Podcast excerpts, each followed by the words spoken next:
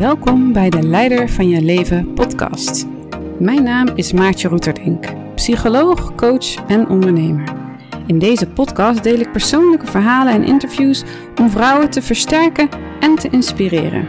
We kijken hoe je angsten kunt overwinnen, groter kunt groeien en kunt leven vanuit je hart. Veel luisterplezier!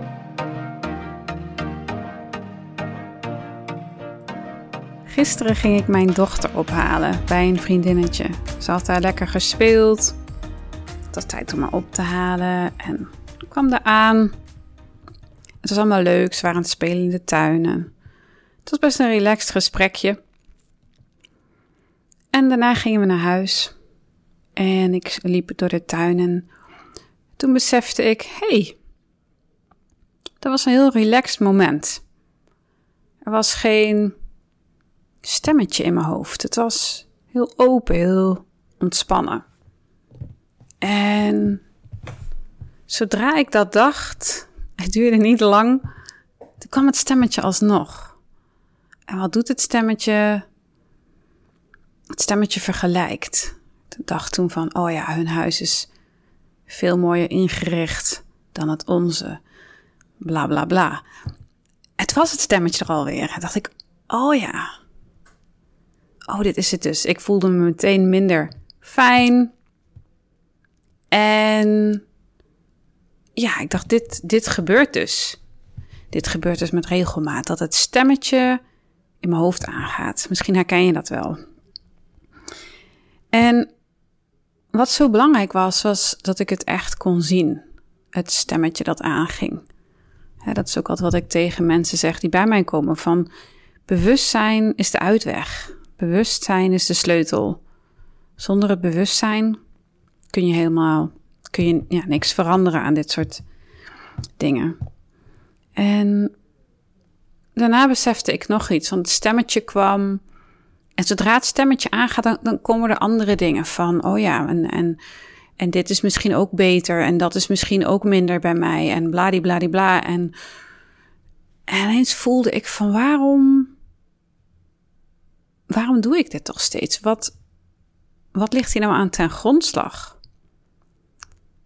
En dan heb ik de neiging om allemaal dingen te willen gaan veranderen in mezelf en om me heen. En dacht ik, nee, dit heeft gewoon compassie nodig en liefde. En blijkbaar vind ik het moeilijk om mijzelf te accepteren zoals ik ben.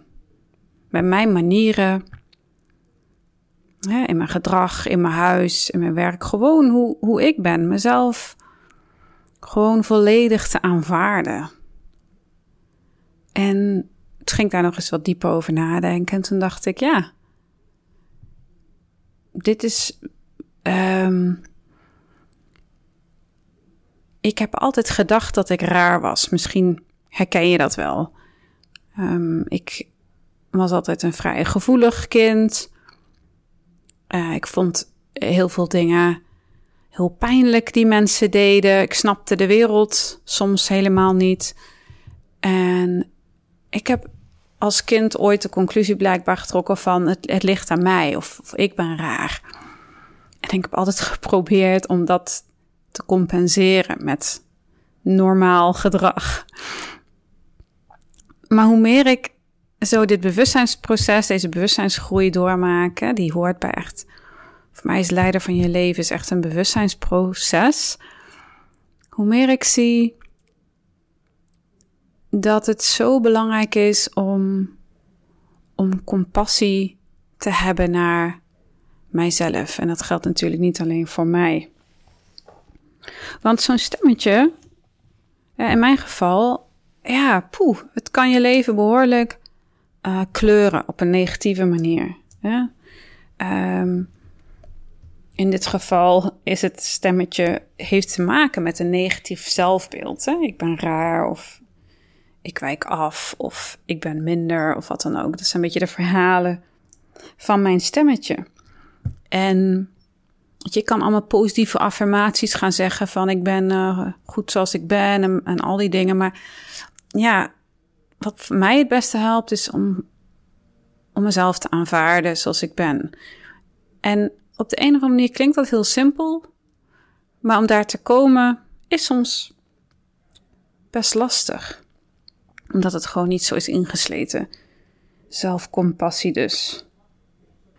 Maar hoe werkt dat nou met zelfcompassie? Voor mij is het zo dat het sowieso begint dus bij het herkennen van in gevecht zijn met jezelf. En hoe je dat kunt herkennen is omdat het gewoon een heel ongemakkelijk en gestrest gevoel geeft. Zodra je in gevecht raakt met jezelf of denkt: ik moet anders zijn of beter zijn, of mijn huis moet ook zo mooi zijn, of wat het ook is, uh, komt er een soort strijd met jezelf en hoe je, hoe je bent. En het opmerken van die strijd is, is ook de uitweg. Voor mij was dat in ieder geval de uitweg van: oké, het besef van: oh ja, dit is weer dat verhaal dat ik raar ben en dat ik anders moet zijn. En, en ineens kon ik met mildheid naar mezelf kijken en dacht ik: ach, weet je, gewoon lieverd, het is oké hoe je bent. En oh, wat is dat een fijn gevoel, want daar zit veel meer ruimte in. Van, weet je, het is gewoon oké. Het is echt helemaal oké hoe jij bent. En je hoeft niet iets te veranderen. En dat is ook, ook voor mij een beetje gek in mijn beroep als coach en psycholoog. Je bent natuurlijk vaak bezig met verandering en persoonlijke groei. En meer en meer kom ik erachter dat groeien ook echt gaat over aanvaarden. Ja, en soms absoluut zijn er stappen dat je echt uit je comfortzone moet gaan en dingen moet doen die je eigenlijk best wel eng vindt. En, maar volgens mij lukt dat het beste als er een basis is van, van compassie en liefde naar jezelf. En dat is vaak een kwestie van juist minder doen. In dit geval was het juist niet die gedachten volgen, die bla bla bla gedachten en daar op doorgaan en daarin meegaan, maar juist stilstaan bij die oorsprong van, oh ja, dit is weer dat mechanisme om dat ik ben raar gevoel weg te willen werken. En, maar ik kan ook, weet je, dat meisje dat dat is gaan geloven, omarmen en, en, en liefde geven. En wat, waarom is dit nou zo belangrijk? Hè? Als ik uit mijn eigen ervaring spreek, dan het eerste wat dat ik zelf opmerk in zo'n geval is dat ik weer in contact kom met mezelf. Dat ik weer ruimte voel. Dat ik voornamelijk heel veel ontspanning voel. Zodra ik compassie voel voor mezelf. En ik stap daarmee uit het gevecht met mezelf. Ehm, en uiteindelijk is, is zelfliefde, waar ik het al eerder over heb gehad, in mijn eerste podcast, is, ja, is ook iets dat zich dan versterkt. Zelfliefde. En dat leidt ook weer tot meer eigenwaarde. Hm, goed voor, voor mezelf zorgen, voor mildheid. En ik denk echt hoe milder, hoe milder we kunnen zijn voor onszelf, hoe makkelijker het wordt om dingen te manifesteren in het leven. Want wat ik merkte bij mijn stemmetje, het voelt als een kritisch stemmetje, als een verbeterplan. Ehm, en wat ik heb gezien, als je wilt, je doelen wilt verwezenlijken, of dromen wilt manifesteren, grote of, of kleine uh, dromen of, of doelen, is het wel heel belangrijk om het vooral gewoon te gaan doen. En als er heel veel kritiek is, innerlijke kritiek, of het moet beter of het moet anders, dan is er vaak een vertraging in het proces. Dingen komen minder snel van de grond. Een vrouw in mijn coachingsprogramma had daar een heel mooi voorbeeld van. Zij vertelde dat ze in contact met uh, experts om haar heen uh, zich vaak onzeker voelde. En dan klapte ze eigenlijk dicht en werd heel kritisch naar zichzelf. Dat was een beetje de dynamiek. En zij leerde om bij haar lichaam te blijven, in contact met het ongemak te blijven en ook vooral mild te blijven. En aanwezig bij alle ongemakken, maar niet in de kritiek te schieten. En uiteindelijk kon zij daardoor meer aanwezig blijven, meer de lead nemen, meer vertellen in vergaderingen, meer delen, omdat ze uh, niet overgenomen werd door haar onzekerheid, maar ermee kon werken en in mildheid kon blijven en niet hoefde dicht te klappen en kritisch te worden naar zichzelf. En ik denk dat dat voor, voor heel veel mensen geldt. Hè? En voor mijzelf natuurlijk ook. Ik merkte ook voordat ik deze podcast ging lanceren, ging echt mijn innerlijke criticus weer even allemaal dingen zeggen over wat er allemaal beter kon. En toen besefte ik ook van, oh, het stemmen, dit stemmetje gaat weer aan. Dat betekent dus dat ik op het punt sta om iets te doen dat ik heel spannend vind. Dus ik kon het eigenlijk ook reframen, zo van, ik hoef niet te luisteren naar die criticus. Dit is gewoon de beschermingsklep, uh, zeg maar, van uh, die, uh, ja, die wil me beschermen tegen afwijzing of, of afgang of, nou ja, weet ik veel wat. Maar dat betekent eigenlijk dat ik gewoon super goed bezig ben.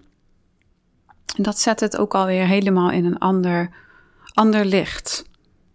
En uh, dat is ook iets dat ik uh, denk dat voor heel veel vrouwen geldt. Hè? Want ik heb, als ik zo om me heen kijk, zie ik toch dat vrouwen vaak meer worstelen met zelfkritiek dan mannen. En, um, en ook meer gericht zijn ook op wat anderen van ons vinden, hè? Op, op de relatie. Dat is iets uh, typisch vrouwelijks. Hè? Daar, ja, we zijn daar ook heel goed in om ons te richten op op de relatie en om dat, daar goed mee om te gaan en ook goed voor anderen te zorgen en te verbinden en dat te onderhouden. Aan de andere kant is wel dat, er, dat het soms te belangrijk gevonden kan worden. En dan is het weer even terugvallen op jezelf. En um, ja, in dit geval bijvoorbeeld door zelfcompassie of, of die stemmetjes op te merken. Als je hierin herkent, kun je eens kijken voor jezelf hoe, hoe het bij jou zit. Je zou eens kunnen kijken of gaan observeren, wat zegt mijn stemmetje? Um, gaat dat over hè, uh, dat, dat een ander een mooier huis heeft, of weet ik veel wat het is? Uh, het kan van alles zijn. En kijk dan ook eens, wat doet het stemmetje met je? Hoe voel je als dat stemmetje aangaat? Misschien wat druk op je borst of een knoop in je buik of een gejaagdheid. Dat is heel nuttig om dat te observeren. En dan kun je afvragen, wat wordt er eigenlijk geraakt? Zoals in mijn geval werd eigenlijk weer even geraakt dat gevoel van ik ben raar. Dat oude verhaal uh, van, van afwijkend zijn. En, en toen ik dat kon zien, toen kon ik daar compassie voor hebben. Dus als jij kunt ontdekken, wat raakt het eigenlijk? Dan kun je daar op dat stuk compassie en aanvaarding eh, brengen. Oké, dat was weer het einde van deze podcast.